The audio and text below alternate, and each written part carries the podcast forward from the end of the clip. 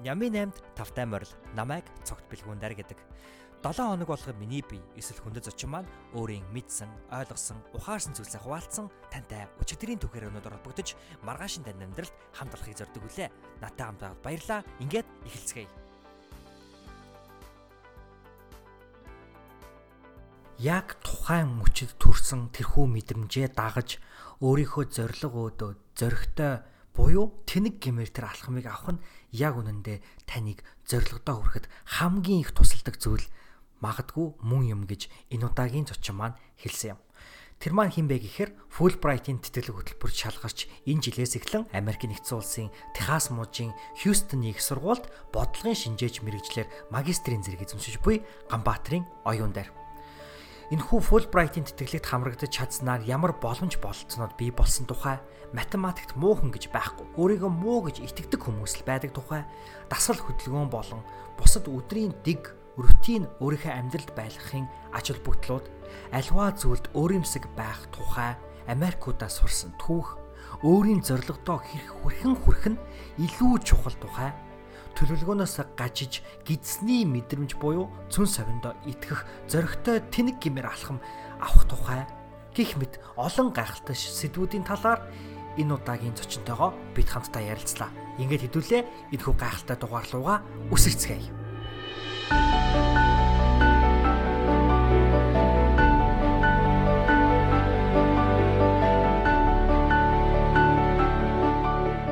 За сайн аа Ойка энэ өглөөний мэндийг хүргэе. За сайн байна уу. Өглөөний мэнд. Баярлаа. За юуны төрөнд манай подкастт оролцох албан ёсны урилгыг маань энэ удаад хүлээж авсанд баярлалаа. Тэгээ манай подкастт иргэн тавтай морил. Аа. За баярлалаа. Намурж оролцуулж байгаа явдал маш их баярлалаа. Тэгээ танай подкастыг бас сонсдог. Тэгээд одоо ингэ зочноор оролцож байгаадаа бас их баяртай байна. Аа. 3 дугаарын өмнө юм уу да 50 дугаар дугаар дээр 58 2 нөгөө Facebook радио лайв дугаар явж байхдаа Оикаро гинт залгаад хүчээр оруулсан. Тэгээд тийм учраас энэ удаа бол Оика маань манай подкастт хоёр дахь удаага орж ийн гэж хэлж болно. А гэтээ энэ удаад бол албан ёсоор ингээ өргөдөө тэг гинтийн зөвлгөөгөр өргөцсөн. Тэгээд яага 58 2 бас Оикаг өрий гэсэн бэ гэхээр яг тэр подкастын үеэр ч гэсэндээ манай сонсогч нарт болон бит хоёрт бүр ингээд илүү их асуулт чамаас асуухыг те илүү бүр ингээд нэ одоо юу гэдэг гүн гүнзгий ярилцахыг өөртөө чи илүү их танилцахыг тийм сэтэл тэр ярилцлагын үеэр 50 дугаар дугаар үеэр төрсэн байгаа. Тэгээ тийм учраас бид хоёроос урилга өгсөн. Тэгээд бид хоёрын урилгыг хүлээж авсан маш их баярлалаа. Тэгээ оюка юуны төрөнд бас манай сонсогч нарт өөрийгөө дахин танилцуулаач ээ гэж хүсэж байна. Аа. За тэгээ за миний хувьд болохоор тийм 50 дугаар дугаар дээр бас нэг гинттэйг залгагдаад орсон тий. Бас их гайхажсэн. За энэ удаад бас албан ёсоор аюу гой урилга хүлээж аваад орсон. Ингээ гоё гараар бичсэн аюу сонирхолтой тийм урилга хүлээж аваад ингээ 58 онд. Тийм аюу гой урилга байсан тий. Тэгээд ийм зүйл хүлээж аваад оролцож байгаадаа баяртай. Тэгээд за миний хувьд гэх юм бол за бүтэн нэрийг маань бол оюун дээр гэдэг. За тэгээд одоогийн байдлаар Техас мужийн Хьюстон хотын Хьюстон их сургууль бодлогын аналист чиглэлээр мастерийнхаа чиглэлд суралцж байна. За тэгээд Fulbright-ийн тэтгэлгээр ирээд ингээд суралцж байна. Тэгээд ирснээс хойш ер нь бол 2 сар гарагтай болсон ингээд суралцаад байж байна. Аа. Өмнө нь Америкт сурж ирсэн анх удаа ирсэн үү? Анх удаа ирж байна. Өмнө нь бол Америкт нэг удаа ирж исэн. Тэр нь болохоор зөвхөн аялах зорилготойгоор гэх юм уу тэгээ хилээ сайжруулах аялах зорилготойгоор нэг 2 сарын хугацаатай Хьюстон хотод ирж исэн. Тэгээд ер нь бол яг сурж исэн бол туршлага бол байхгүй Америкт. Тэгээд багасаа бол Америк сурахыг бол маш их хүсэж мөрөөддөг байсан. Тэгээд одоо ингээд ирсэн байгаад бол баяртай байгаа. Тийм. Тэгээд өмнө нь аюу бас яг Хьюстон хотод ингээд ирж исэн. Хьюстон хотод ирээд ингээд найз дээрээ зочлоод ингээд ирж асан. Тэгтээ ингээд заавал буцаж ирнэ гэж ингээд хүмүүст хэлээлтэй ингээ уулзсан хүмүүстэй за би ингээд Америкт ингээд сурна буцаж ирнэ мастертаа гэж тэгсэн чинь яг ерөөлөөр болсон гэдэг шиг яг 4 жилийн дараа 4 жилийн өмнө яг тэгж ярьжсэн байхгүй. Тэгсэн чинь одоо яг 4 жилийн дараа яг Хьюстон хоттой. Тэгэхээр ингээд яг технээсээ дээр нэг тухайн хүмүүс хэлчихсэн үедээ ингээ яг өмнө болоод ингээд мастертаа сурах гад ирсэн байна. За манай сонсогч нар бас өөртөө жоо холбогдож асууж магадгүй. Гэхдээ ерөнхийдөө бол энэ Fulbright-ийн тэтгэлэг гэж яг юу юм бэ? Энийг айгу товч тайлбарлавал. Аа. За Fulbright-ийн тэтгэлэг гэхээр одоо нөгөө нэг хит хитэн одоо Монголд тэтгэлгүй зарлагт зарлагдаг шүү дээ. Тэгээ олон улсын засгийн газруудын. Тэгээ Fulbright-ийн хувьд гэх юм бол яг Америкийн засгийн газрын зарлагддаг тийм тэтгэлэг байгаа. Тэгээд дотроо бол ер нь бол хоёр янз байдаг тий. Аа нэг нь болохоор яг Америкийн засгийн газраас санхүүжилттэй. Аа нөгөөх нь Монголын засгийн газраас санхүүжилттэй гэдэг. Тэгээд ерөнхийдөө 3 сард Америкийн засгийн газар нь хил зарлагдаад тэгээд 3 сарын үеэр өргөдлөө материалуудаа өгөөд тэгээд 5 сар юм уу 6 сарын үед бол ерөөхдөө хариун гарчдаг тэнцэн үгүй гэдэг нь ярилцлагандаа ороод Тэгснийхэн дараа нэг Монголын засгийн газар зарлагдаа. Тэгээ Монголын засгийн газар нь нэг 7 сар орчим миний бодлоор дуусаад ах шиг байсан. Тэгээ ингээд явдаг юм тэтгэлэг байгаа. Тэгээд мэдээж ингээд маш нэр хүндтэй тэтгэлэг тийм Fulbright бол одоо орон маш олон оронд ингээд хэрэгж одоо хэрэгждэг тэгээд маш нэр хүндтэй юм тэтгэлэг байгаа. Тэгээд Америк сурах ингээд бүх одоо тийм сургалтын төлбөр заартал онгоцны тий а билетэд юу гэдгийг тэгээд тэр болгоомыг чинь ингээд цаанаас нь дагаад өгдөг ийм тэтгэлэг байгаа. Дээрээс нь а ерөнхийдөө ингээд тухайн орны тий ингээд залуучуудыг нь дэмжиж ирээдүйд нь сайн болгосон хүчин бий болгож өгөх зорилготойгоос гадна тий олон орны бас ингээд соёл хооронд нь танилцуулах мэдрүүлэх ийм зорилготой хэрэгждэг ийм тэтгэлэг байгаа. Тэгээд а би түрүү хэлсэн нөгөө англи Америкийн засгийн газраас нь санхүүжилттэй Монголын засгийн газраас нь санхүүжилттэйгээ хоёр гэдэг. Тэгээ сонирхож байгаа хүмүүс байх юм бол бас Америкийн засгийн газар нь төрүүл зарлагдсан тэрнлүү нь аплайда тэг өргөдлөө өгөөд. Тэгээ бас ингээд хэрвээ тэнцэхгүй байх юм бол бас ингээд Монгол руу дахиад ингээд өргөдлөх боломжтой байдаг шүү гэдгийг хэлмээр байна. Тэр болгоны хүмүүс бас мэдээд идэв юм шиг байгаа юм. Тэгэхээр ингээд тий Тэгээд Америкт тэнцээгүй ч гэсэн тийм Монголда тэнцэх боломжууд бас маш их байдаг. Яг бол хариу гарцсан хойно. Аа Тэгээд Монголын зарлагддаг болохоор Америкийн хансын газрын харин гарцаа Монголын зарлагддаг болохоор тийм. Аа. Тийм тэтгэлэг байгаа. Зөө зөө баярлаа. За Оюка маань яг одоо бид бүхэнтэй Техас мужийн Аустин хотод холбогдож байгаа те. Тэгээд яг аялж явах аялж байгаа. Тэгээ энэ аялж байгаа энэ үнэтэй цаг хугацааныхаа үеэр бид нартэй ярилцж байгаад маш их баярлалаа. Тэгээ өнөөдөр Астанд ямар өглөө байна? Цаг агаар ямар байна? Ер нь биднэрт мэдрэмжээ хаваалцвал Астон хотод аялж яхад. Тий, Астон хотод ирээд одоо 2 хонжийн тий. Тэгээд энэ хугацаанд болохоор аюу гоё санагдчихж байгаа. Тэгээ миний бодлоор ягаад чи ингэж Монголтай төстэй юм шиг нэг сонин тийм мэдрэмж төрөөд байгаа. Уул нь бол ингэ тийс өөр Ягаад тийм мэдрэмж төрөөд байгаа юм болоо гэж бодохоор цаг агаарын хувьд бас ингэж яг одоо нөгөө тийм Монголтай ойролцоо цаг агаартай байгаа. Хьюстон ч юм болохоор аюу тийм халуун байхгүй юу? Миний одоо яг байгаа маань болохоор би бас Остныг болохоор за Техас байгаа юм чинь яг л нэг ойролцоос авах гэсэн тийм үтэй ирсэн чинь энд бол одоо аюу нэг тийм гоё тийм гоё сэрүүхэн ингээл тэ сэвэлсэн салхитай бороо орчоод ингээд зогссон нэг тийм гоё идэг шүү дээ. Тийм Монгол нэг зуны орой нэг юм нэг гоё идэг тийм халуун биш. Тэгсээр нэг нэг сэмгэлцээ. Яг тийм гоё өдрөө битээ тийм цагаа гарчтай. Тэгээ би энд ингээд ирэх хүмүүст өө энэ тест яг гоё монгол шиг аюу гоё цагаа гарна. Одоо би тест аюу таалдчих ингээд гэсэн чинь энд байгаа хүмүүс нь болохоор юу яриад байгаа юм чи сте аюу хүүтэн биш те ер нь бол одоо Остон ингээд жоохон хүүтэрчээд байгаа нь энэ нэ. Гэл тийч яхаа тийм Монголд ингээд 100 юм байдаг гэсэн чинь нөгөө хүмүүс санагдаад. Аа энэ ч одоо бидний хувьд л одоо ингээд аюу сэрүүхэн болчиход байгаа юм тийм Монгол тэгвэл хүүтэн байд юм байна гэсэн. Тэгээд Остон хотын хувьд болохоор аа бас яг манай хотоос ялгаатай юм гэх юм бол аюу тийм залуучууд ихтэй юм шиг санагдсан. Аюу тийм залуучуудын хот юм шиг байгаа юм. Тэгээд бас одоо амьд хөгжмийн хот гэж нэрлэгддэг юм лээ. Хаач явсаа ингээл аюу гоё тийм дуу хөгжмөнтэй ингээд амьд хөгжмөнтэй. Тэгээд Хьюстонд баг харснаасаа илүү их ингээд гоё залуучуудтай. Тэгээ ялан ингээд залуучууд хотоор нь явж байгаа ингээд харагдсан. Тэгээд бас Остон хотод юм нэг Техасын Техасын их сургууль гэдэг том сургууль байдаг. Тэр сургуулийн кампусаар би яг анхны өдрөө явсан бүр үнэхээр гоё кампустай гоё сургууль хэлээ. Хотынхоо төвд байрлалдаг байшаал айдаа тэгээд ингээд айгүй гоё таун тийм гоё кампустай гоё хот байна. За. За тэгвэл хоёлаа тэгээд энэ аялалтай адал явдалтай 7 хоногийнх нь тухай илүү ихийг мэдэж авцгаая. Тэгээ хоёлаа эхний асуултаараа эхлэх үү. За тийм. За энэ 7 хоногт тохиолдсон хамгийн талархам дурсамжтай үйл явдлаа бид бүхэнтэй хуваалцвал хамгийн талархам дурсамжтай үйл явдал. За талархж байгаа зүйл юм бол маш олон зүйлд ер нь бол талархж байгаа. Сүүлийн үед бол бүр Тэгээд том жижиг гэхдээ олон зүйлүүдэд маш их талархаж байна. Дурсамж гэдэг зүйлийг бол маш их ерөн хийж ин тэрснээс хойш олон хүмүүстэй уулзаал ингээд аялал тэг. Зүрх хэлсэн. Гэхдээ яг энэ бүгдээс би зүгээр бодоод ингээд хамгийн их талархаж байгаа баг ирснээс хойш өдөр болгон нэг зүйлд маш их талархаж байна. Тэр нь юу вэ гэхээр сая би түрүүн баг багчсан танилцуулсан манай нөгөө Fulbright хат тэтгэлэгт би үнээр их баярлж байна.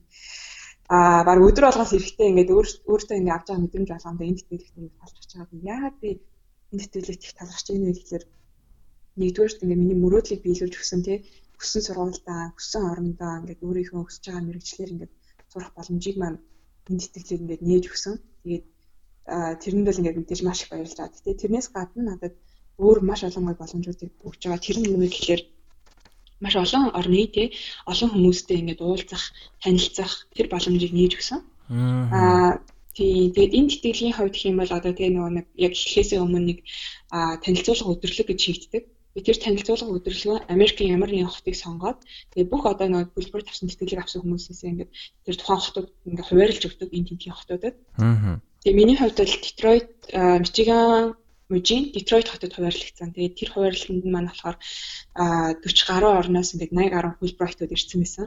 Тэгээд маш сонирхолтой аюул тийм гоё а одоо хүмүүстэй тиймээс хэлсэн яа 40 гаруй орны 80 гаруй залуучууд бүгд ингээд өөрөө өөр гэсэн түүхтэй бүгд Fulbright-ууд тийм энэ тэтгэлгийг авах гэж бас бүгд ингээд өөрөө өөрсдөө ямар нэгэн зүйлийг даван тулсан тийм хүмүүс ингээд байсан. Тэгээд манай одоо тэр болсон одоо тэгээд танилцуулга хөтөлбөр буюу orientation маань жишээлбэл одоо Harvard-ийн одоо хуулийн сургууль гэж байгаа шүү дээ. Хамгийн хүмүүс ороход нэг өрсөлдөөнтэй тийм сургуулиас гэхэд зөвхөн энэ жилийн ангийнхаа 5 оюутан тэгээд тавлаа фулбайтер ингээд ирсэн. Гэх мэтчлэн тийм байсан. Тэгээд тийм хүмүүстэй уулзаад бидний туршлагыг сонсоод өөрсдийнх нь тэгээ яаж ингэж энд ирвэ гэдэг түүхүүдийн сонсох бол надад бас үнэхээр гоё байсан.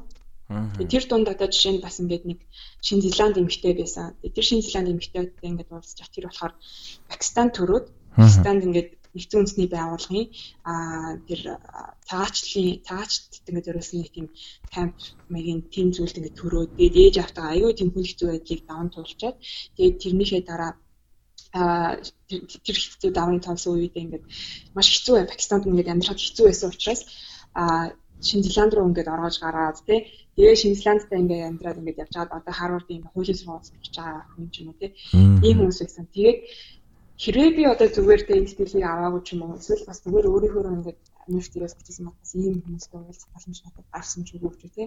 Одоо хүртэл бүгднтэй аягүй гоё татсан найзууд болсон. Тэндээс нэгээд суралцах зүйл ихтэй ийм одоо боломжийг гаргаж өгсөн. Тийм учраас энэ зүйлд бас бүл багтад маш их талархаж байгаа. Аа. За тэгээд 3 дугаар хамгийн сүүлд нь бас 3-т нь одоо би яагаад ингэж хэлбэрт маш их талхаад байна гэхээр би өөрөө бас аюу аялах дуртай. Ямар боломж гарч ийн тэгээ надад ингээд ямар боломж нэгдэж ийн тэр болгонд ингээд би тгий гэл ингээд шууд аялах хичээдэг тийм хүн. Тийм хүн байхгүй юу тэгээд Тэгээд одоо чинь ингээд сая хэлсэн тийм Австрали хотод ирсэн. Яагаад Австрали хотод ирсэн маа гэхээр энд маш их бүл байтууд байгаа. Тэр тухайн одоо танилцуулга өдрөлт оролцох бүл байтуудаас маа. Тэгээд намайг ингээд ураад тэгээ манай хотоос 3 цагийн зайтай. Тэгээ одоогийн байдлаар би яг турк охиныг ирсэн ингээд гэртэн байж чинь эндээс ярилцлахаа өрнүүлж чинь. Тэгээд энэ охин манаас фул бактер ингээл манад ингээд байгаад энд аялаач гэдэг юм гуйсан.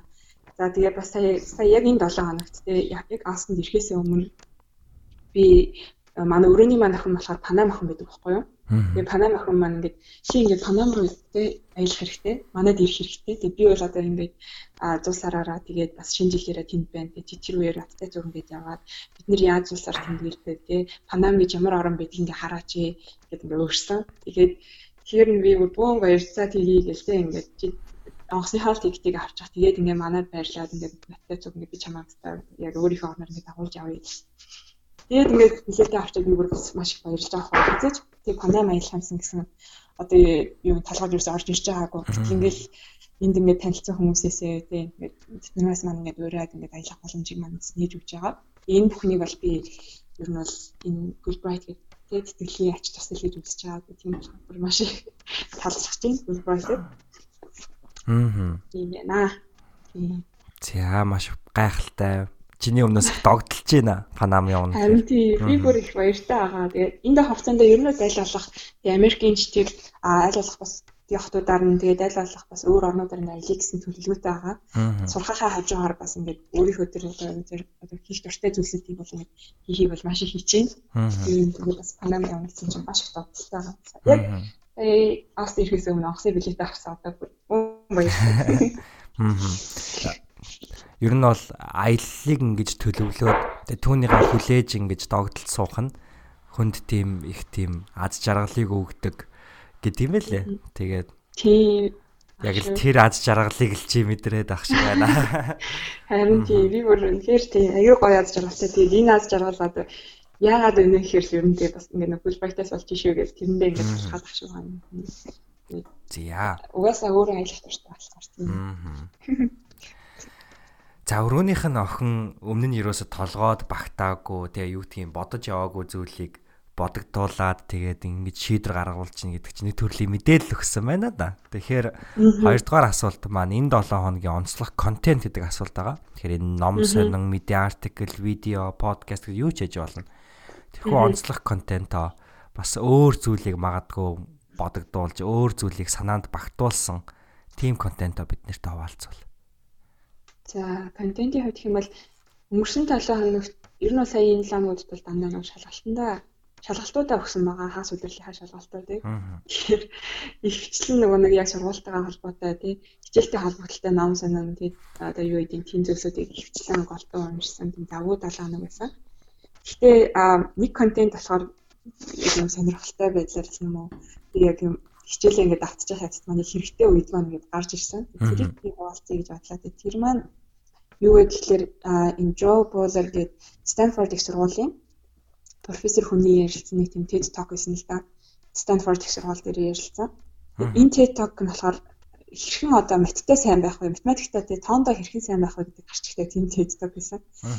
Тэгээд энийг би яагаад үтсэн бэ гэхээр аа би болохоор нэг бодлогын аналистээр сурч байгаа гэж хэлсэн шүү дээ. Тэгээд бодлогын аналистээр сурч байгаа маань болохоор миний хувьд тийм нэг тодорхой анализ төр шинжилгээ хийх чадвар за тэгээд судалгаа хийх чадваруудыг бол эзэмших хэрэгтэй юм ийм чухал мэрэгжил байгаа. Тэгээд үүнтэй холбогдуулаад нөгөө статистикийн хичээл баг семестр болгондоо би үзэх хэрэгтэй. Статистик ч юм бол аюу тийм нөгөө нэг дата анализ хийх ч юм уу тийм зүйлүүд хийхэд одоо хамгийн хэрэгтэй тийм мэрэгжил шүү дээ тий.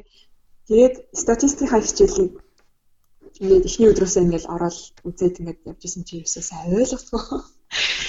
Тэгээд ингээд бодож байгаа байхгүй. За би ингээд яагаад энэ хичээлийг ойлгох байна. Тэгээ би ингээд эсвэл багтаа нэг тийм одоо 10 жилтэй болохоор ингээд статистиктай нэг тийм сонирхол байгаа гэсэн юм болов. А эсвэл одоо ингээд хоёр дахь хичээл үзээд байгаа болохоор ингээд ингээд Тэгээ ингээ ангийнхын сатыг ингээд Америк оюутнуудаас асуух. Тэр бас ингээд өө харин би бас нэг сайн ойлгох байгаа гэх ингээд хэлж байгаа. Тэр өө за за Америкууд нь тэг ингээд өөрийнхөө хэлээр үзэж байгаа нэг ойлгох чинь би ч бас авчихгүй юм байна да их мэтчлэн ингээл яваад байгаа. Тэгээд найс нэг ингээл гэрийг нь хэлэхээр өө харин тий статистикч юу нэг хэцүү хичээл баг C гарч ивэл болно болно гэл тээ. Ингээд иймэрхүү зүйлсүүдийг хэлээ яваадсэн. Тэгээд мэдээж ингээд шалгалтандаа бэлдэх болохоор хэмжээ ингээд а одоо нөгөөдхөө ингээд бүр их сайн ойлгож авах хичээн штэ тээ. Тэгээд би ингээл за эхнээс нь хавлаад ингээл янз бүрийн YouTube бичлэгүүд тээ. Бакалаврт ерөөсөө үзэж байгааг болохоор ингээд YouTube бичлэгүүд ч юм уу үзээ явжсэн чинь их статистиктэй холбоотой хичээл үзье гэсэн чинь YouTube дээр ингээд санал болгох бичлэгээ гарч ирдэг шүү дээ. Тэрэн дээр нь ингээд яг энэ TikTok гарч ирсэн байхгүй юу? Хэрхэн одоо тоондоо сайн байх вэ гэдгийг ингээд гарч ихтэй. Тэгээ шөнийн 2 цаг болж байгаа хичээлээ хийгээ суужснаа. За за гэсэн нэг үзчихье тий. Тэр завсарлага авангаа. Тэгээл нөгөө тэн дээр нь дараал үзсэн чинь тэр болохоор ингэж ярьж байгаа байхгүй одоо тий тоондоо сайн хүн гэж бид нэр ярьдаг дээ тий. Энэ хүн ингээд уусаа тоондоо сайн айгу толгойтой тийм хүн ингээл ярьдаг. Би бас тэр нь бас яг итгэдэг байсан байхгүй ингээд аа сэтгэлийн авах гээд ингээд явж байхдаа нөгөө GR GMAT өгдөг. Тэрэн дээр ингээд тооны хэсгүүд бас аюул байдаг. Тэнгүүд тэгээд найзтайгаа зүг бэлтэж яхаар би болохоор ингээд нөгөө тийм аюул удаан борцтой бодож хариу гардаг. Манай найз болохоор ингээд дорн дорн хариуг гаргаа авчихдаг. Тэнгүүд ингээд за чивэл ингээд талгаатай тоондоо сайн чинь ингээд надаас илүү баг хийгээд юм гэл тий. Тэгдэг байсан. Тэгсэн чинь тэр TikTok дээр юу хийж байгаа гэхээр хүн бол ерөөсөө тийм Тэгээ тоондоо сайн толгойч гэдэг юм уу? Тарихтэй тийм юмдаа сайн тарих гэж юусоо байхгүй. Ингээд өөрөө хичээх юм болоос ингээд а хичээхээс гадна одоо өөрийнхөө тэр нөгөө нэг потенциал та тий миний тарих тэр хязгааргүй тий ямар ч хязгаар байхгүй шүү гэдэг тэр потенциалтаа итгэж чадах юм бол ингээд тий тоондооч шүү тийм үү өөр бас нэг чадваруудтай ингээд сайн болох чадамжтай байдгаа гэдгийг ингээд харуулсан тийм одоо мэдээлэл өгсөн тийм тэгдэг гэсэн л та. Өмнө нь болохоор би бусад зүйлүүд дээр бол ингээд за хүн хичээвэл угаасаа хүрч чаддаг гэж итгэл итгэс ирнэ.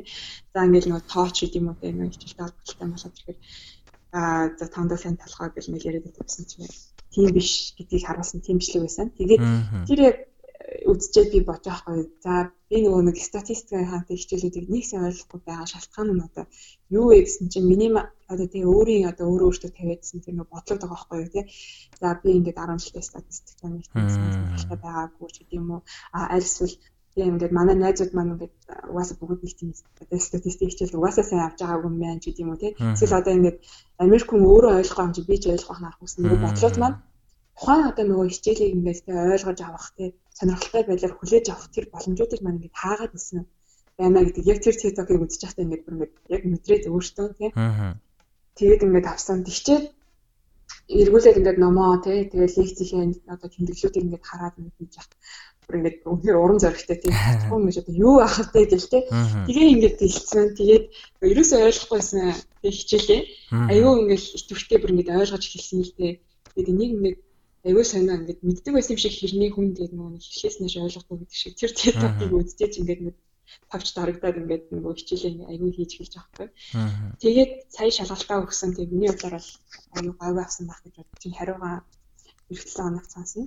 Тэгээд миний бодлоор бол тийм аюу шалгалтаас хийсэн баг. Тэгээд энэ тэр топыг бас үзээж яг хэлгээд те а хүний тэ нөө тарих гэдэг зүйл бол ерөөсөө тийм айгүй тийм хязгааргүй тийм зүйл шүү. Тэгээд тэр зүйлтэй хүн олон итгэх нь ямар чухал. Тэгээд итгэж чадах юм бол тухайн одоо хийхийг хүсэж байгаа өөрт ч одоо түүхтэй санагдаад байгаа. Тэгээд би бол одоо жишээ нь ингээд хилэндээ одоо хилний чадвар байхгүй бол хүмүүсээс тэгдэж штэ тий за заавал хилэндээ авьяастай хүн хэлхийг сураад идэг гэтчлэн тийм юм бол ерөөсөө байхгүй хүн өөртөө итгээд хичээх юм бол ерөөсөө хийж чадахгүй зүйл гэж байхгүй шүү гэдгийг харуулж ирсэн тийм TikTok гэсэн.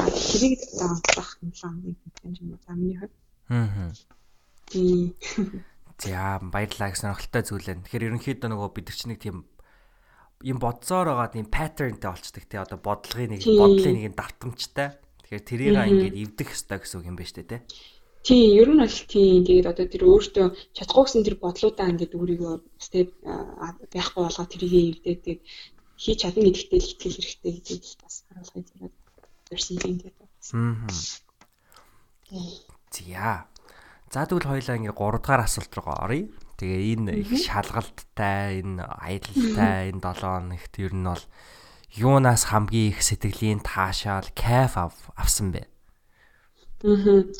За сэтгэлийн таашаал гэхээр би ер нь бол сүүлийн үеүүдэд ингээд аль болох жижиг сэтгүүлүүдийг бүх зүйлээс ингээд аягүй таашаал харагдчихэдэг тийм өглөө босонгуудаа ингээд гоё эрүүл саруул ийм гоё мөрөгсөл мөрөдөлтэй тэгж ингээд сурч байгаадаа баярлж байна. Тэрнээс аягүй гоё таашаал аваад гоё сүнэгаал хэрэг ч юм уу тийм хийж байгаа. Гэтэ миний хувьд бол сэтгэлийн таашаал тэр жижиг зүйлүүдээс хоос гадна бараг хамгийн том одоо сэтгэлийн таашаал юунаас би явдсан болоо гэдэг нь өөрийгөө бодохоор а бусдад туслах юм уу тий хайртай хүмүүсээ баярлуулахаар би хамгийн их одоо тийм гоё дээд зэгтээ тултал тийм мэдрэмжийг авд юм билээ. Тэгээд тэр хамгийн гоё мэдрэмжийг би бүр дээд зэгтээ тулсан тэр гоё мэдрэмжийг яг 2 сарын өмнө Америк ирэхээсээ өмнө авсан. Тэр мэдрэмж маань юу байсан бэ гэхэлэр би нөгөө нэг яг Америк явах ингээд мод бэлдээд аа хуцаа байдлаад ингээд бэлдээд bijсэн чинь их хашин чинь өрөөнд ингээд суужсэн чинь ээж маань болохоор ингээд миний орон дээр суудсан. Аа намайг хараа сууж ирсэн нэг харсан чинь ингээд уйлцсан сууж идэг байхгүй юу. Тэгэхээр нэг Үгүй яагаад уйлсан бэ гэж хэлсэн чи ээж гэсэн тийм. Тэг ингээд ахнараа маш бахархаж чинь тий.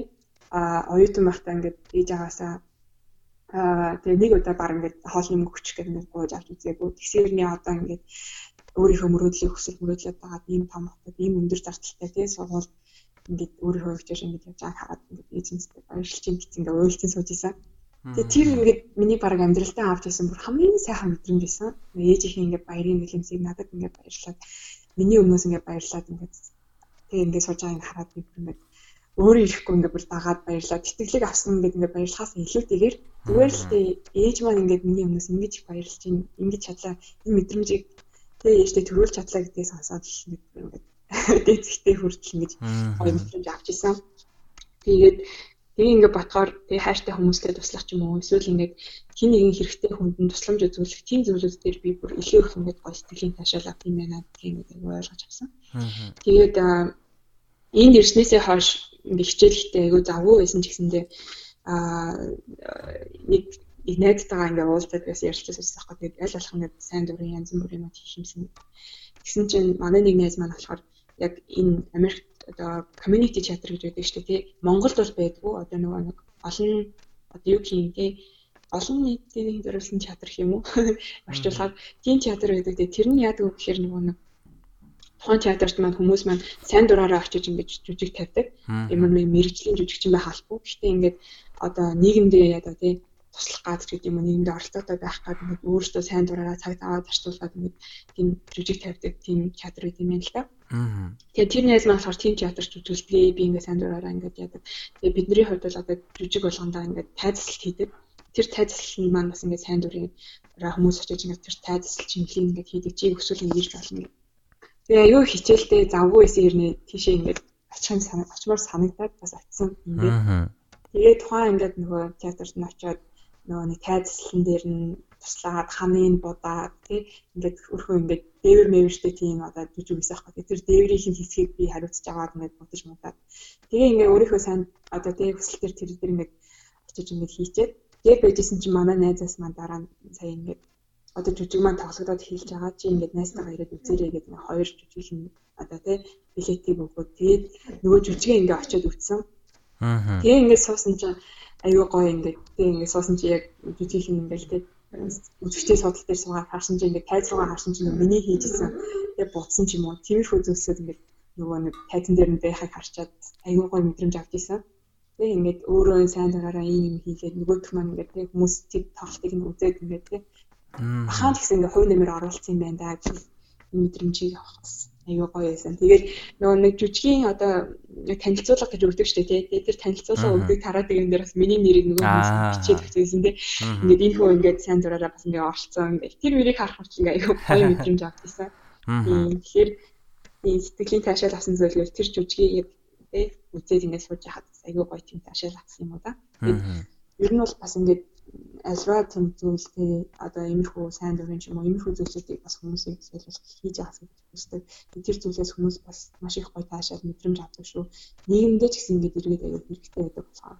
Аа. гэж бас байна тийм. Аа. За маш их баярлаа. Гайхалтай хариулт, гайхалтай түүх байна. Аа ямар ч ямар нэгэн улс орны одоо залуучуудын хөгжлийг ялангуяа тухайн одоо залуучууд нь хэр их сайн дурын ажил хийж гин хэр их цагийг гол нөгөө яг одоо бусдын төлөө зарцуулж гин гэдгээр нь бас дүгнж тооцдیں۔ гэсэн.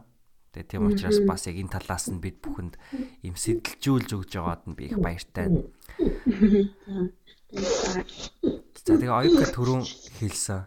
Наа чи нохоо юу юу? Харин тийм. Манай нөгөө өрөөний ах маань нохоо гараад ирчихсэн. Яваад байна харин. За манай подкаст хамгийн анхны нохоотой боллоо шүү.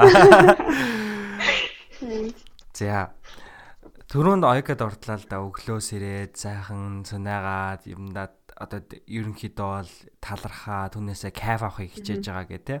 Тэгэхээр манай дөрөвдүгээр асуулт бол яг л үнтэй холбоотой одоо өөрийнх нь амьдралд бий болохыг оролдож байгаа онцлог дадал зуршил дэг рутин юу вэ 7 хоногийн үед? Аа. За миний хувьд тэгэл яг одоо сүүлийн үедэд бол шинэ одоо тий дадал зуршилууд нь хэрэгжүүлээгүй. Гэхдээ яг өөрийнхөө бас зүгээр тий өдөр тутамдаа хийдэг дадал зуршилуудаас авч жоохон зүйл сонирхолтой хэлээ. Тэглэх байх.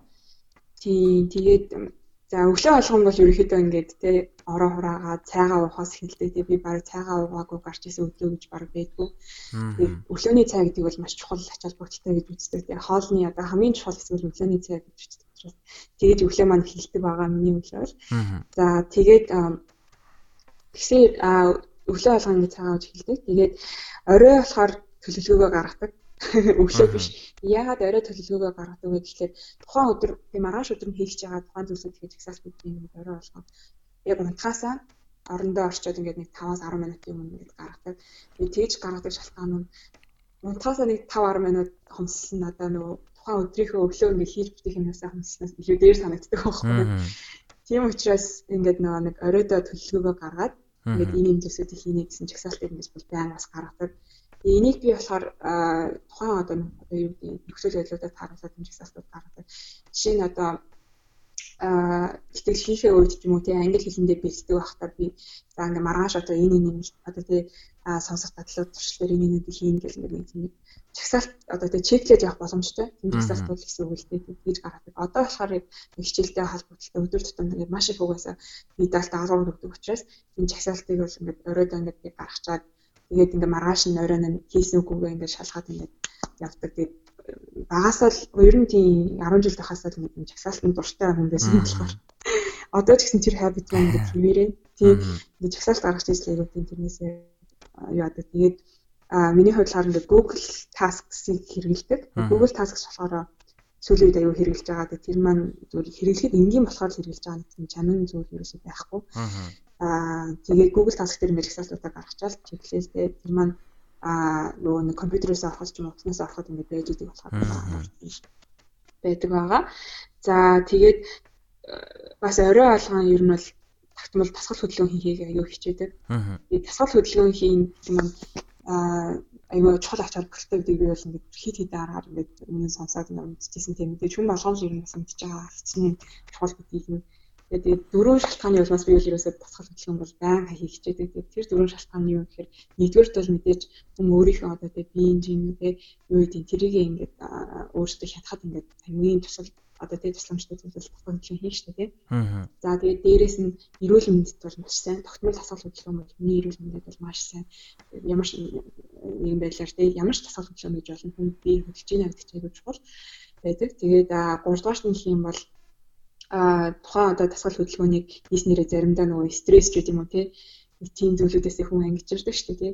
Миний хувьд болохоор ингээ орой а чинь йог хийдэг. Тэгээд йог хийхээр бас өөрөө амтгах ч юм уу тийм асуудлууд маань ингээд заримдаа айгуу тусалдаг.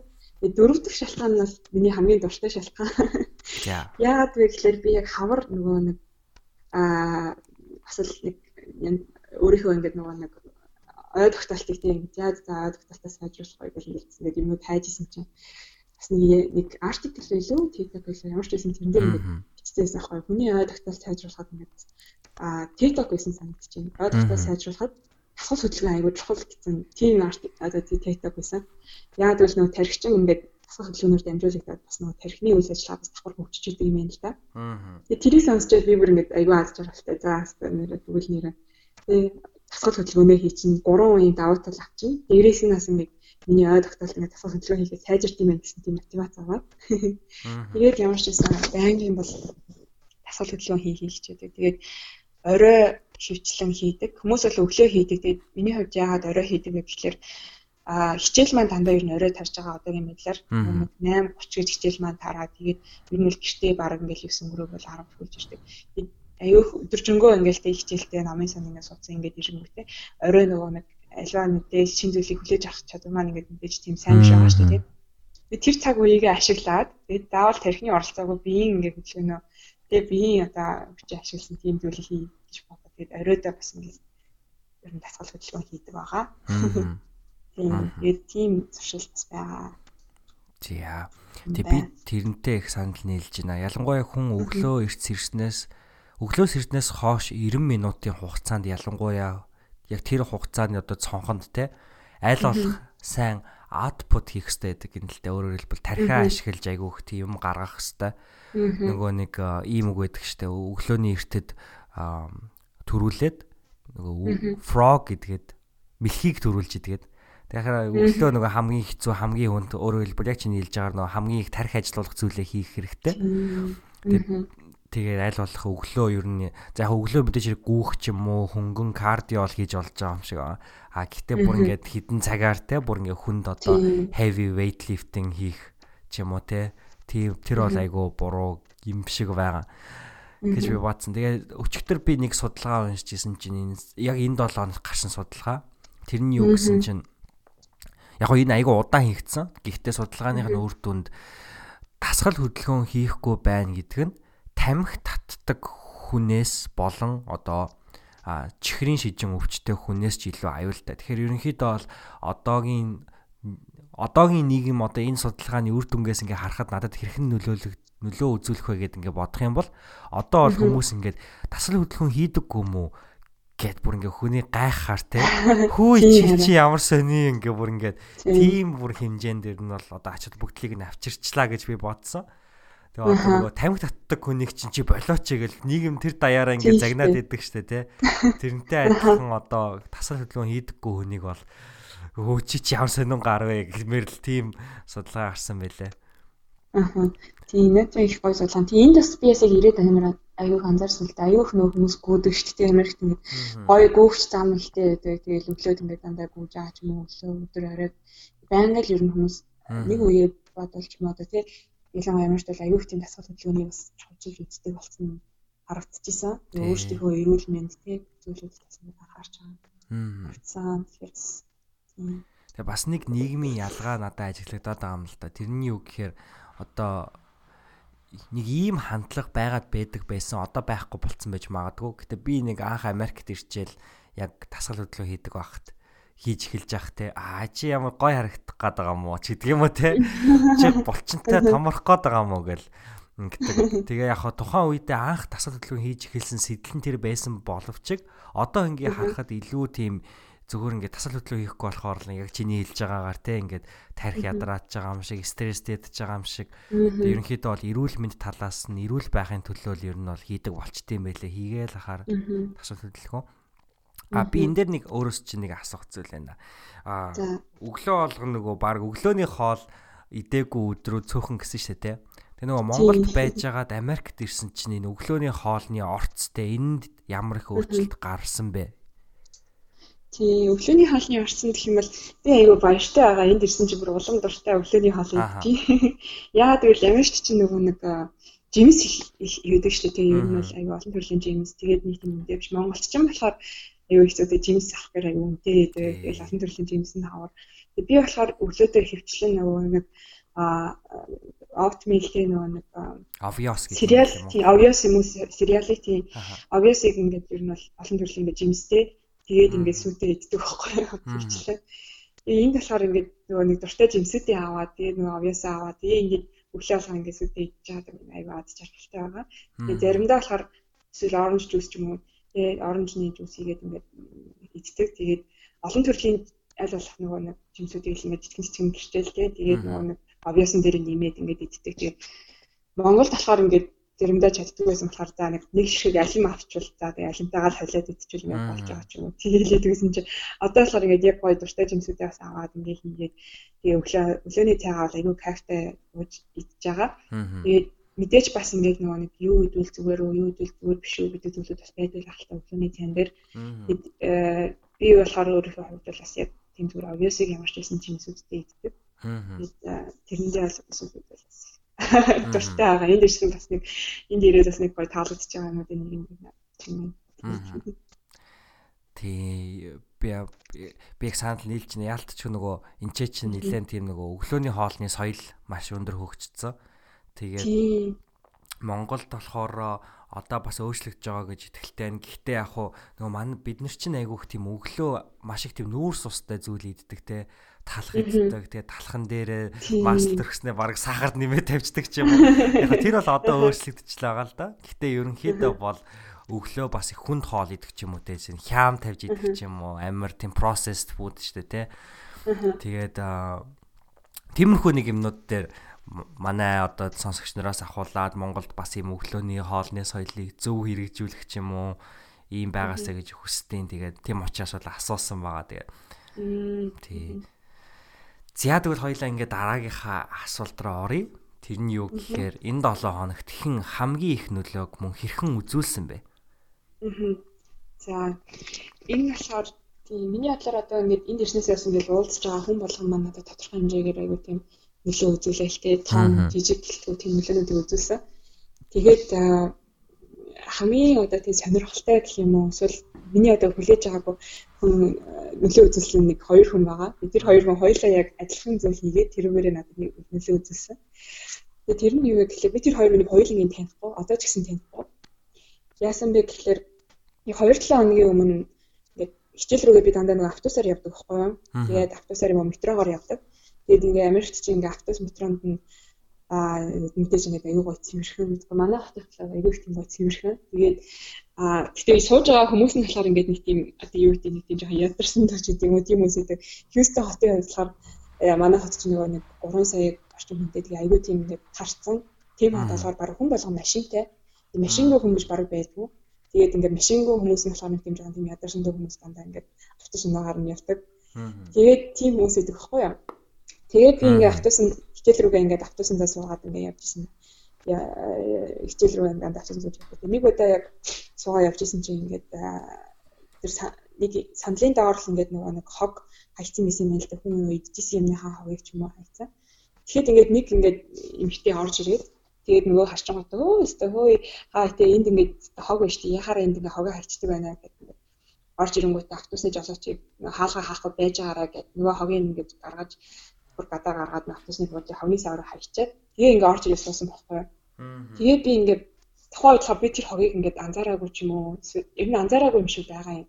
Тэгсэн хэрнээ тэр чинь ингээд аа хүмүүс ингээд тэгэхэд ингээд тэр эмэгтэй дүнмэж орж ирээд нөгөө хогийг анзаараад ингээд аваад гараа хайсан байхгүй юу? Аа. Тэгээд дараа нэг саяхан одоо яг хичээл нэм шалгалт шалгалтаа ингээд өгчөө сая нэгтгэхийн орой ингээд бичлүүгээ харихад бас ингээд явж исэн чинь автобус руу ингээд яг ороод дөнгөж ороод суусан чинь миний яг өмнө орсон өмнө гарч явсан хүн бизнес гарч явсан хүн нэг ууж исэн юм а ч юм уу ингээд автобусны шалан дээр асгачаад гараа явсан шиг байгаа. Аа. Тэгсэн чинь бас тэнд ингээд нэг бүршин бүр настай дүү ингээд нэг тий тийм нэг эрэгтэй хүн өвөө баримт өвөө тийм хүн ингээд сууж ирсэн аа. Тэг ингээд өөрөө керманаасаа нэг ингээд салфетик гаргаж ирсэн нөгөө нэг тэр шалан дээр асгарсан байгаа. Тэр юм ингээд цэвэрлээд ингээд авч ирсэн байхгүй. Тэгээд би өөр яг тэр хоёр хүнийг ингээд бодоод тэгээд ингээд харчаад үнэхээр бахархсан тэр хоёр хүнээр яагаад би тэр хоёр хүнээр тэгж их бахархсан гэхээр мэдээж ингээд гоё цэвэрхэн метро цэвэрхэн автобусанд ингээд явдаг. Тэгээд бид нар монголчууд гэдэг чинь манай Монголын одоо ингээд автобус тий хог ихтэй гэдэг хэрнээ. Тэгээд ингээд засгийн газраас ямар нэг те одоо тийм Монголын засгийн газар ямар нэг юм хийх хэрэгтэй энэ хаваа ингээд болиулах хэрэгтэй гэл ингээд хэлдэг. Гэтэл Америкт одоо те тэр ингээд автобус ингээд метро ингээд цэвэрхэн яваад байгаа шалтгаан нэрээ ингээд юм тэгээ засгийн газрын бодлого байна уу эсвэл одоо хүмүүс их юм хандлага байна уу гэдэг дээр бас асуулт гарч байгаа байхгүй тий. Тэр хүмүүс өөрсдөө гой цэвэрхэн орчин цэвэрхэн автобусаар ингээд бичиж хүссэн. Тийм учраас тэр зам одоо тэгээ хажууд нь байгаа тэр хогийг өөртөө зүгээр ингээд аваа хайчиж байгаа юм асгарсан байвал ингээд тэрийг бүр ингээд тийс чадахгүй шууд ингээд арчижсэн. Тэгээ баруун миний ингээд өвөө шиг тийм хүн босч ирээд ингээд арчиж байгаа харчаад би ингээд өөртөө бас бодож байгаа байхгүй тий би ингээд бас ингээд энэ ингээд арчих юм уу тэр хогийг ингээд аваа хаях тийм сэтгэлгээ одоо надад ингээд байхгүй байгаа юм байна. Тэг ингээд тийм одоо Монголдо ч юм уу би ингэж байгаагүй юм байна гэж юм ингээд бодож байгаа байхгүй тий. Тийм болохоор ер нь бол заавал нэг хин нэгнийг хийхийг хүлээж ч юм уу? Хин нэг нь хийгээсэй гэдэг нэг яриад идэх хэрнээ? Яг хажуутай байгаа юм хэр ингээд эргэн тойрны харснаа хид нэг хог байвал ингээд аваа хайчиж чаддгүй л юм шиг байгаа л та зөв ихэнх хүмүүсийн хувьд энэ хүмүүс чинь тийм байсан шиг байна. Тэгэхээр одоо тэрийг аягүй сайн ингээд ойлгож авсан. Тэр хоёр хүнээс ингээд айгүйхтэй хамгийн их нөлөөг одоо өөртөө авсан. Тэгээд тэр нөлөө маань юу гэхээр тэгээд жижиг зүйлсээс нийгэмдээ тийм зүйлүүдийг хийж болох юм биш үү? Мэдрэмж аягүй тийм гоё мэдрэмж бас авсан гэх юм уу? Харахад ядарсан хүмүүс хэрнээ бас цэвэрхэн орчинд ингээд зорчихыг хүсээд байгаа тийм хүмүүсийг авсан. Тэгээд ийм зүйлсүүдээс л ингээд бас нийгэм ингээд гоё сайжирч хилдэг бах таа л гэж бас бодсон л доо. Аа. Тийм байна. Үнэхээр сонирхолтой бас нэг бодогдуулмаар ийгөх өөрийн өөрийн өөрийн юм шигтэй өөрийн юмсыг хандахыг бас сануулсан түүх байна. Тийм. Хин нэгэн аваад тэр автобусны жолоогч ч юм авч хайх биш. Би ингээд аваа хайчиж болох юм л байсан гэдгийг л бас харуулад байгаа юм л да. За маш их баярлаа. Дараагийн асуулт маань болохоор амжилтын тухай байдаг те.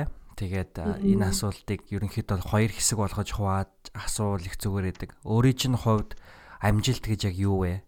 А тэр тодорхойлолтын хувьд энэ 7 хоногийн хувьд өөрийн хувьд амжилттай 7 хоног байсан уу? Аа. За миний хувьд одоо амжилт гэдгийг тодорхойлох юм бол одоо тий ингэж бодож юм л да зөвхөн одоо нэг өөртөө нэг тийм зорилго ч юм уу тий одоо нэг тийм зүйл тавиад тэр зүйлдээ ингэж хүрэхийг амжилт гэж хэлэх байх гэж би бодож байна.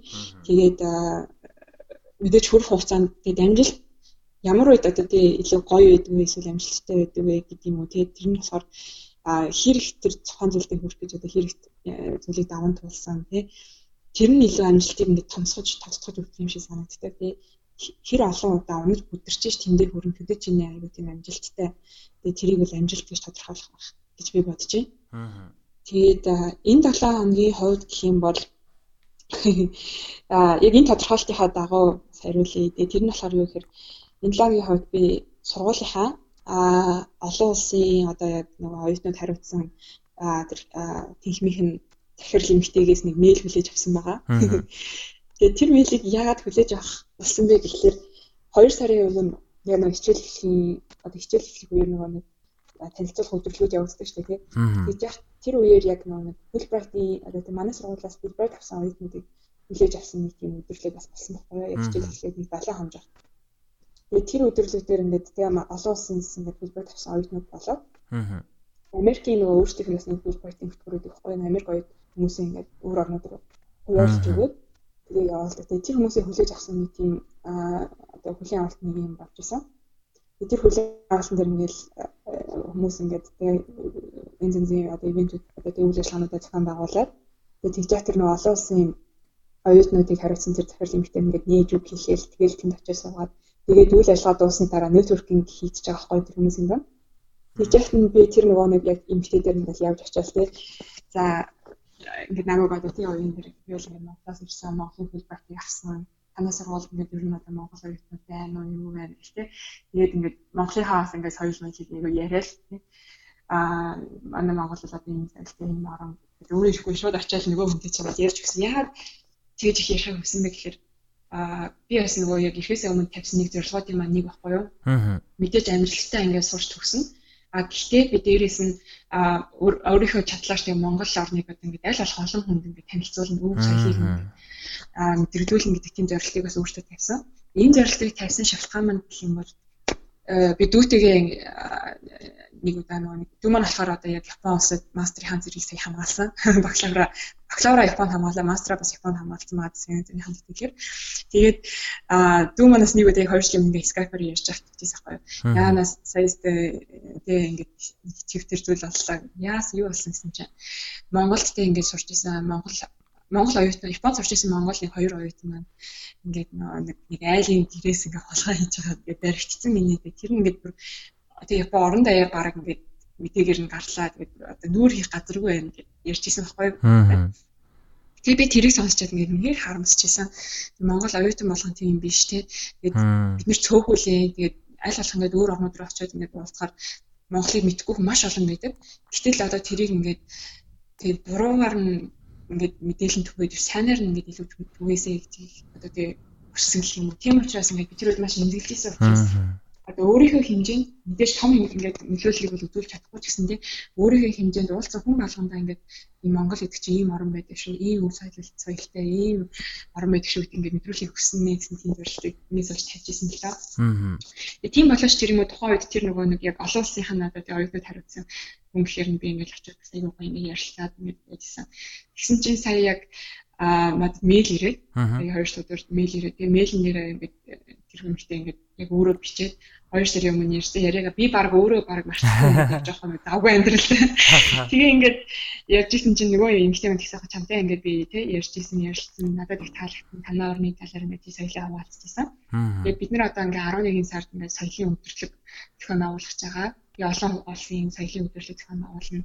Аа тэгээд энэ өдрлөг дээр ингээд хамгийн төгсгөлийн өдөр нь бас ингээд том хөлийн авалт болоод тэгээд хэдхэн орны тийм ингээд нэг 4-5 орны нэг ингээд тухайн орноо ингээд танилцуулаад аа танилцуулга хийгээд өв соёлтой холбоотой үзүүлэх юм ял үзүүлээд тэгээд хоол нь байвал тэгээд хоолны чинь жор байвал бид нартэй хуваалцаач гэх юм бол бид нэр ингээд өөрсдийнхөө тэр катеринг хийдэг хүмүүстэй ингээд тухайн жорыг чинь яагаад тэр хоолой чи хийлгээд тэгээд тэр хүмүүст ингээд танилцуулах юм аа ингээд энд оролцох боломжтой юу гэсэн тийм мэйл хэлж авсан. Аа. Тэрийг авчиад би маш баярлалаа. Яа тэгвэл нөгөө нэг тэрийг ингээ Монголыг танилцуулна гэсэн чинь миний ингээ өөрөө маань зорилго байсан учраас яг ингээ бас тэгээ сургуулийнхаа тэр олон хүмүүсийн юм бас ингээ танилцуулах боломжийг ингээ өөртөө бий болгосон учраас миний хувьд бас тодорхой хэмжээний амжилт юм болов гэж би бодож байна. Тэгээд бас нэг зүйл нь яг тийч зорилго тавьчаад би бас нөгөө Монгол бүжиг нөгөө яг ирэхээс өмнө бас таалгаж сурсан байхгүй юу. Аа. Тэгээд тийм Монгол бүжиг сурсан. Тэгээд тэр нь болохоор өмнө нь ингээд хит хит ингээ олон улсын хурлууд ч юм уу тэгээд тийм зүйлүүд төр ингээд оролцоод явж байхдаа олон орны хүмүүс ингээл өөр өөрсдийнхөө янз бүрийн тий авиасыг чим ингээ үзүүлж хат надад юу ч үзүүлэх юм байдгүйсэн байхгүй. Тэгээд аюу тэрэндээ бас имзэглдэг тий ингээд хүмүүс ингээл бүжиглэж ч юм уу дуулаад ингээд орныхоо соёлыг үзүүлж хат надад ингээ чаддаг юм байдгүй юм байна гэж бодоод за ямар ч байсан ингээ Монгол бүжиг сурыг ингээд сурч ирсэн. Тэгээд одоо тэрийгээ бас ингээд харуулад тэгээд Монголын хадлаар ингээд танилцуулга хийгээд Тэгээд ингээд явж байгаа бас ингээд баяр одоо тий догтлж юм уу их баярлж юм. Аа. Тэгэхээр миний хувьд бол бас энэ 7 хоногийн ерөөсө төсөөлөөгүй тийм мэйл авсан. Тэгээд бас аюу амжилт юм да миний хувьд. Тэгээд энэ дээр би бас нэг нэг юм нэмээд хэлчихэд тэгээ миний хувьд бол одоо ингээд яг энийг хийчихэд би ингээд бас бодож исэн байхгүй юу. Хүмүүс тэгээд нэг зорилго тавьчаад тэрнийхээ төлөө ингээд нэг тийм одоо юу гэдэг тийм зоригтой тэнэгч юм уу одоо нэг тийм юу ч бодохгүй шийдвэр гаргахгүйгээр ингээд алхмууд хийд юм байна. Тэр алхмууд нь хүнийг эргээд нөгөө нэг зорилт ч юм уу зорилготондоо хүрэхэд айгу тусалт юм гэдгийг бас ингээд айгу ойлгож авсан байхгүй юу эндээс. Аа. Яагаад гэвэл тэгэхээр тухайн үед би ингээд тийм заавал ингээд үеийнхээ хүмүүст ингээд бас ярилцчихсан юм. Тэр эмэгтэй ингээд өөрийн мэдлгүй яваад очсон гэдэг юм чинь ингээд ярьсан. Төлөвлөл миний одоо төлөвлөгөөнд ч юм уу байгаагүй шүү дээ. Тийм зүйл. Тэгэхэд ингээд очсон ингээд ярьсан юм гэсэн. Тэр маань эргээд надад ингээд бас нөлөөсөн. А дээрэс нь хит хит одоо миний амьдрал бас яг энэ одоо алхам маань ингээд амар чухлаар нөлөөлжсэн байхгүй юу? Аа.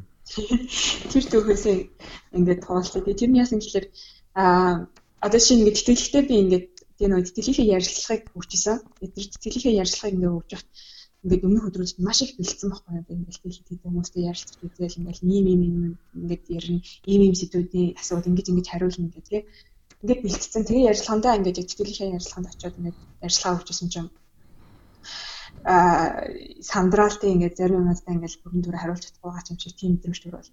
Тэгээ ингэсээр ингээд ингээд асуултанд хариулаад явж итэл яг ярьслага маань ингээд дуусаад тэгээ нөгөө хүмүүс тэгээ ингээд за ингээд ярьслаа дууслаа ч одоо асуух асуулт байна уу гэж ингээд хэлж байгаа байхгүй. Тэгсэн чинь ингээд яг миний ингээд дотор ингээд нэг санаа ингээд мэдрэмж төрөл. Тэгээ надад ингээд ийм боломж ингээд дахиж ингээд олдохгүй байх тийм баг тийм.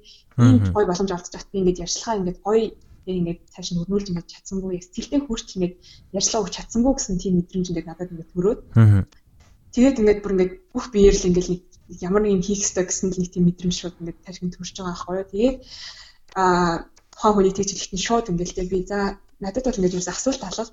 Гэхдээ ингээд би ингээд зарим ингээд хэлий гэсэн юм аарсан хэлж чадсангүй гэдэг тэрийгээ шууд хэлмээр байна гэл нөгөө хүн баг за тип тгийг багтан шууд ингээд яриад хэлчихсэн. Тийм тэгээд та нар надаас одоо яагаад ингэж ингэсэн гэдгийг асуусангүй яагаад тэгвэл ингэсэн гэсэн гэж би бүр ингэж өөрийн мэдлгүй ингэж нөгөө нэг тэр үед ингэж яриад явцсан байсан. Миний төлөвлөгөө тийм байгаагүй. Гэсэн юм ингэж юу гэдэг юм. Айгуу зүйл ингэ ботход миний ярилцлаганд одоо тэнцсэн бас шалтгаан нь баг тэр байсан болоо гэж би боддог. Яг бол хүн ингэж үнэхээр тухайн зүйлийг хүсгээрээ, тийм зүйлээс хүсгээрээ а өөрийн мэдлгүй юм тийм одоо үйлчлүүд бас гаргадаг юм шиг байгаа юм. Тэгээд миний хувьд бол одоо тийм шаны үед чинь тийм үйлдэл бас гаргасан байгаа байхгүй тэгээд за за ингээд ярьслага дууслаа ингээд чадахгүй өнгөрлөөдөө гэсэн тэр мэдрэмж маань эргээд надад ингээд үгүй ингэж дуусгаж болохгүй шүү гэсэн л тэр сэтгэлийг төрүүлээд тэр яриаг бас ингээд төсгөлд нь өрнүүлж ирсэн. Тэгэхээр хүмүүс бол ингээд ялгаа зүйлийг хүсгээрээ аа тийм өөрийн мэдлэг тийм яг ямар bold movement гэж миний толгойд орж ирээд байна л Тэгээ юу гэж. Тийм үйлдэлүүдийг бас ингэж гаргах юм шиг байна. Тэгээ тэрний эргээд бас юм айгу тийм амжилтанд нь хүрэхэд нас тусалт юм шиг санагцсан. Аа. Мм маш гайхалтай бодрол байна. Ялтчихгүй би итгэж чинь тэгээд нөгөө гинтл ингээл нэг цахилгаангүйгээл явхад бол тэрийг тэгэл заавал гаргал гэсэн үг юм шүү дээ тий. Харин тий заавал ингээд тий яана тэгч болов миний бодлоор бас нэг бодлоо ингээд нөгөө айцтайгаа айхгүйгээр тий хон зүйлийг ингээд шууд л гаргаарай гаргах л тийм одоо үйлдэл гэх юм уу? Тийм үйлдэл юм шиг байгаа юм. Тэгээд ингээд гарах уу яах уу гэж яахгүй шууд л ингээд бараг бодохгүй гаргаад ингээд тийм үйлдэл хийгээд үз. Эргээд одоо алдчих болов. Гэх ингэж энэ үйлдэлийг гаргаснараа одоо намайг тухайн тэгээ бодчих болов ингээ бодчих болов гэхээс илүү тэгээд зүгээр л одоо тухайн үйлдэлийг ингээд шууд одоо юу гэдэг гаргаад хийгээд үцхэд бол одоо тийм алдах зүйл байхгүй гэж би бодож байна. Нөгөө Ярэ. Тийм. Энэ болохоор бас яг дахиад яг нөгөө үйлдэл гэж ярьсан чинь нэг зүйл надад бас яг санаанд орчлоо л да. Тэр маань юу гэхээр би бас яг түрүү хэлжсэн нэг дөрөв жилийн өмнө Америкт аа байжсэн дээ тий. Тэнд байж байхдаа би л ерөөсөө л заавал мастертай буцаад ирнэ гэсэн бөө ингэ бодлоо дүүрсэн. Тийм одоо тэмүүлэр дүүрсэн яг тийм үе байсан байхгүй юу? Тэр үед ингээд аа нэг Facebook дээр нэг тийм нэг жин ихтэй сургалт ингээд боловсролын зөвлөгөө мэдээлэлтээр даглагдлаа. Тэгээ Бочор гэдэг ингээд энэ хүн даана гэсэн нэг тийм зар явж исэн. Тэр Бочор гэдэг хүн нэрийг харчмагтай би ингээд аюу танил санагдсан. Яа тэгвэл ээж маань ингээд жоохон баг тэгээ ингээд баа хаас мал ингээд Америкт ингээд тийм одоо аа сургууль төгсөөд ингээ эргэцэн амьдралаас гарч ирээд нэг Америк руу ингэж яваад ингээ сургууль төгссөн тийм хүмүүсийн түүхийг надад ярьж өгдөг байсан байхгүй юу. Хүүхдийг хоёр хүний түүхийг ер нь ярьж өгдөг байсан. Тэр нь болохоор манай ээж маань шат байсан. Ээж маань орчлын багш байсан. Тэгээд тэр хоёр охины ингээ түүхийг аягүй ярьж өгдөг байсан. Тэгээд бачуур ийцдэг. Тэгээд би бараг тэрийг ингээ бараг таньдаг юм шиг тэр хоёр хүнийг ингээ өссөн байгаа байхгүй юу. Тэгсэн чинь яг нөгөө нэр маань ингээ гараад ирсэн бачуур бачуур гот гэдэг. Тийм нэртэй хүн Монголд нэг тийм олон байхгүй байх гэж байна. Тэгээ харчаад өө энэ нэг яг ээж яриадсан нөө шав байсан охин нэг амар айгуу тийм хүнд амьдралаас гарч ирээд тэнгүүтээ одоо ингэ Америкт очиод ингээд сураад тэгээд дэлхийн банкнд айгуу олон жил ажиллаад юм мондөг хүн. Тэгээд одоо ингэ жи арийн сургалт явуулах гэж байгаа юм ингээд. Тэнгүүтээ шууд нөгөө фэйсбүүкийг нь олж аваад тэгээд э, тэр хүн рүү ингээд нөгөө нэг мессенжер бичиж байгаа байхгүй юу. Тэгээ бас хойд ингээд нэг хэлээр сайжруулсан юм шиг тэгээд англи хэлээр бичсэн байгаа алдаа малтаатай хамаагүй шууд тэгээд Аа. Тэгээд ингээд намайг тий авьян дээр гэдэг би одоо ингээд мастераа сурах ингээд би Америк сурах сонирхолтой. Тэгээд би энэ яраад бэлтгэл юу зүгээр өнөө дэрэг тийм асуултуудыг ингээд нөгөө ингээд асуугаад би мессенжерээр нь үлдээжсэн. Тэгээд намайг бол та ингээд танихгүй байх тий. Гэхдээ би ингээд өөрөө чинь бүхэн сонсч ингээд үзчихсэн ингээд тийм юм ингээд бичиж тэр хүнд би ингээд үлдээжсэн. Тэр хүн болохоор тухайн үед ингээд аа зүгээр зүгээр хэмэл зүгээр гэж зөвлөгөө өгчөө.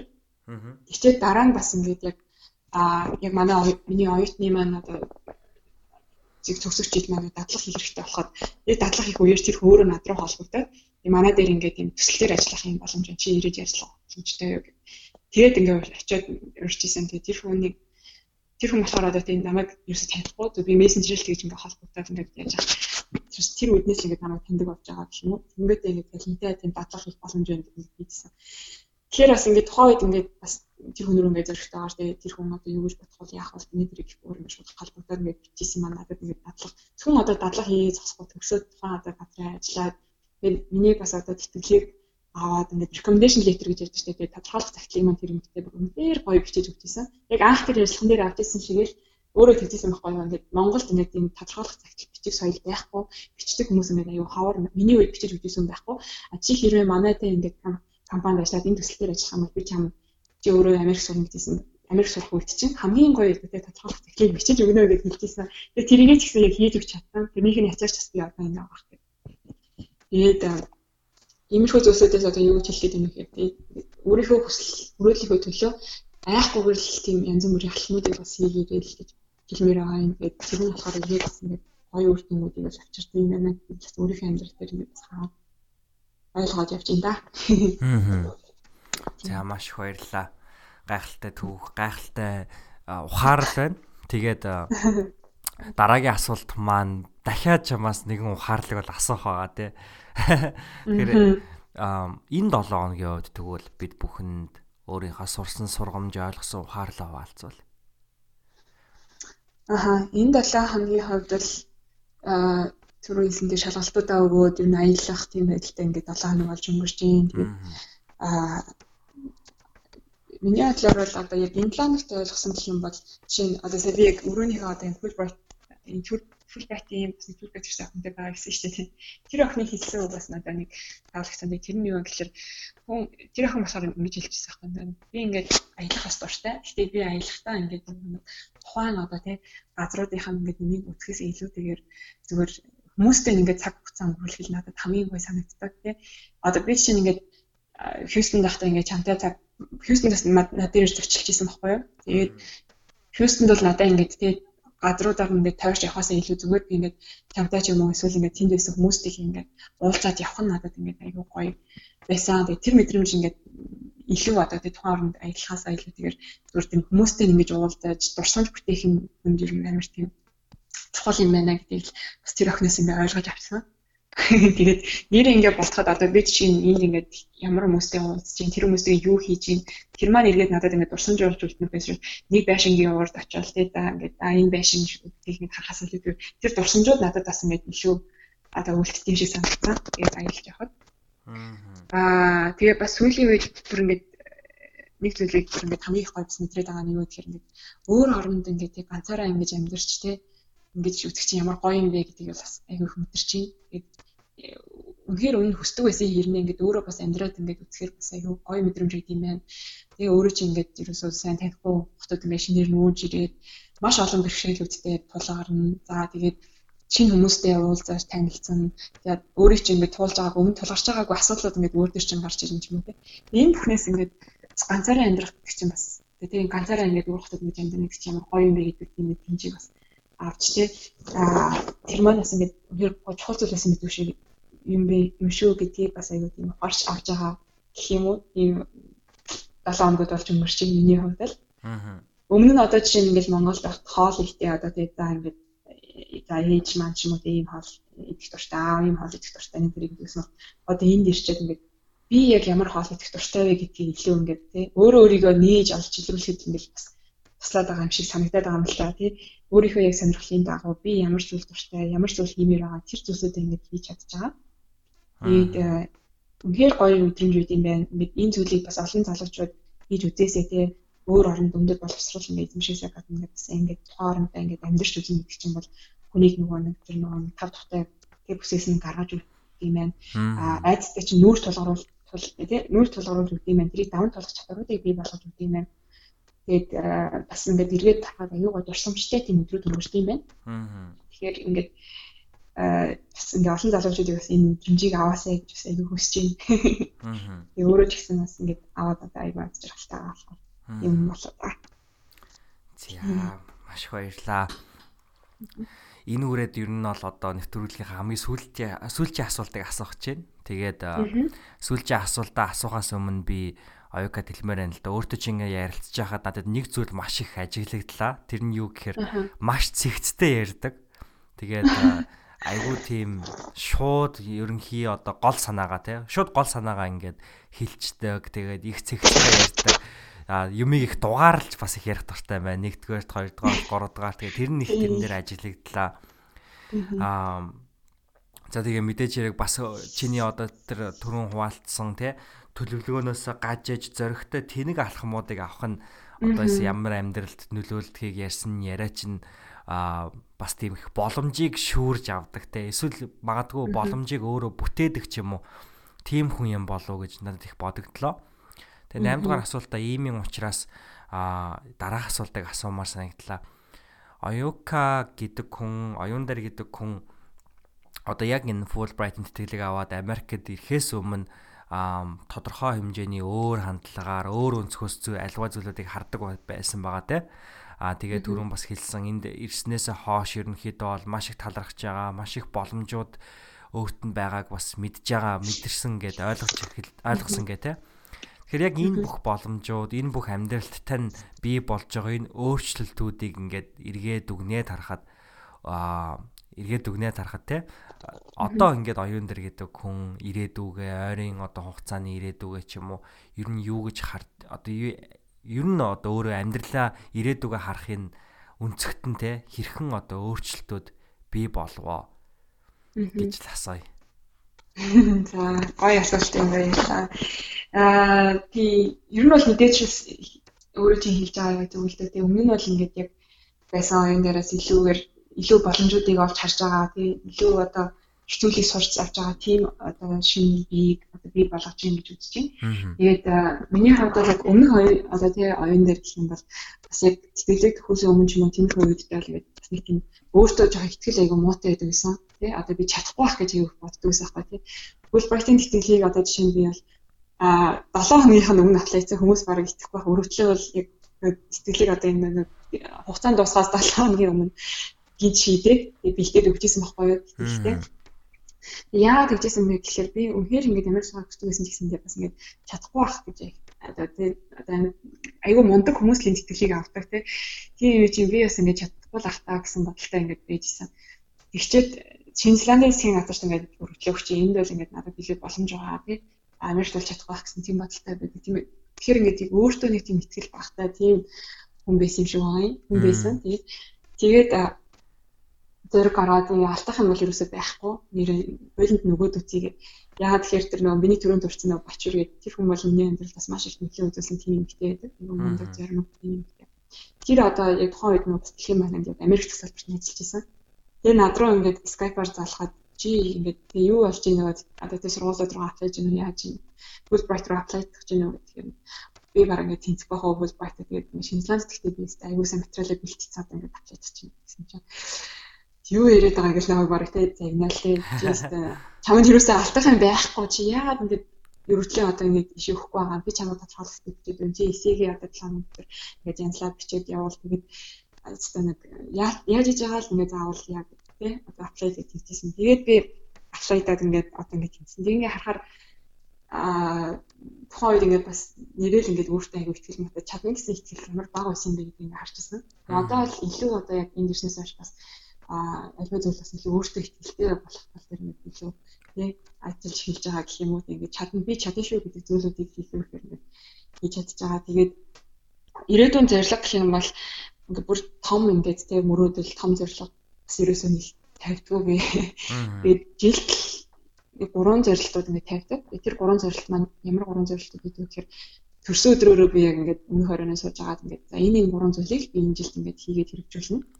Аа тэгчих юм бол ингээд би яг л одоо хүний нөгөө тухайн одоо нэг одоо 24 ч гэдэг юм уу 23 гэдэг энэ нас чинь бол ерөөсөө нэг л олдно. Тэг 365 хоног л би тэр насан дээрээ байна. Тэгэд энэ насан дээрээ би яг юу юу хиймээр байгаа, юу хийж чадахгүй гэдгийг ингээд чагсааж өчтдөг байхгүй. Тэгээд аа энэ жилийн хавьд чинь тэр зорилтуудыг ингээд би тавьсан. Тэгээд тэгээд миний зүйлүүдийг хийнэ гэсэн гурван зорилтыг тавьсан байгаа. Тэгээд тэр зорилтынхаа дагуу айгүй олон зүйлүүдийг хийх байх гэж би бодож байна. Тэгээд гурван зорилттой хүрэхин тулд тэгээд жижиг жижиг зорилгууд маань явандаа хүнийг ингээд зөв хүн болгоод ингээд зүг тийшээ чиглүүлэхэд амар тусалдаг болвол гэж бодож байгаа. Тэгээд хамгийн гол нь бас хандлага айгүй чухал.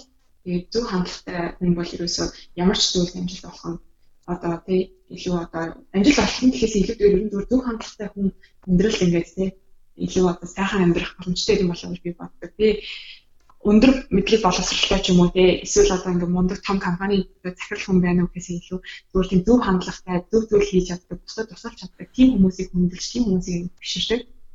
Тийм учраас тийм одоо хандлага сайтай яг энэ зөв хандлагыг өөртөө айлуулах илүү ихээр одоо тэг байлгаж бий болгож ингэж ирээдүйдээ тийм зөв хүн байхыг аягүй хүсэж байна. Одоо тэрнээс жишээл заавал тэг нэг мундаг тэг одоо компани захирлч юм уу.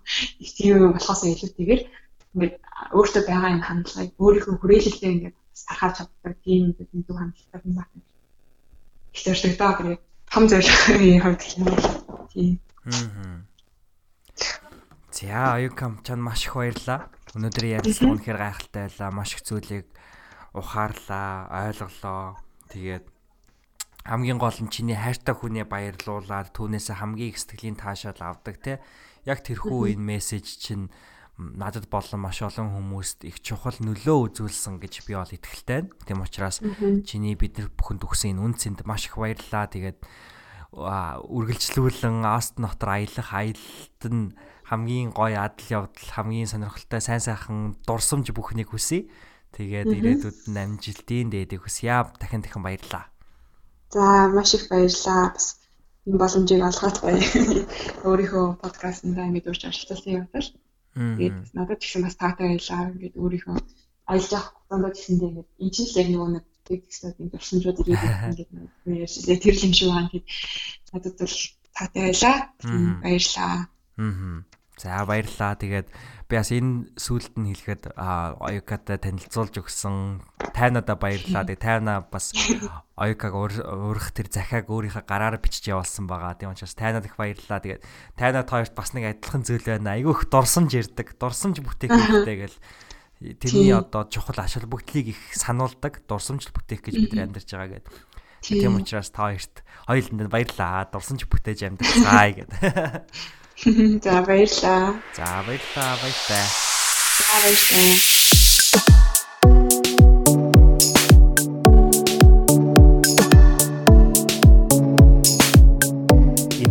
Сэхэдэн төслийн хүрээнд бэлтгэн хүргэдэг Нями 8 подкастын маань 53 дугаар дугаар өндөрлөж байна. Оюка буюу оюун дайртай ярилцсан энэ хүү дугаар та бүхэнд маш их таалагдсан гэж би итгэлтэй байна. Та бүхэн нэг сонирхолтой мэдээ дуулгахад яг энэ өдөр буюу энэхүү подкаст бичигдэж байх өдөр бид бүхэн нийт 300 мянга дахь сонсолтоо подкаст дээр хүлээж авсан байгаа. Тэгэхээр тун удахгүй буюу 11-р сарын 19-ний өдөр манай подкастын маань 1 жилийн ой болно. Ийхүү 1 жилийнхаа ойдод зэрэгцэн давхарцсан тоогоор Монгол улсын нийт хүн амын 10% таа тэмцэхүүч одоо хэмжээний сонсолтын эзэн болсон байна. Подкаст маань ийм учраас Сэхэтэн төслийнхаа нийт артны ажиллаж байгаа залуучуудынхаа өмнөөс сонсогч танд Сэхэтэн гэр бүлийн гишүүн танд маш их, маш их, бүр маш их баярлалаа гэж хэлхийг хүсэж байна. Тэгээд бидэнтэй хамт үзэд үргэлж баярлалаа. Хэрвээ та энэ подкастыг өнөөдөр анх удаа сонссон бол Сэхэтэн гэр бүлд тавтай морил.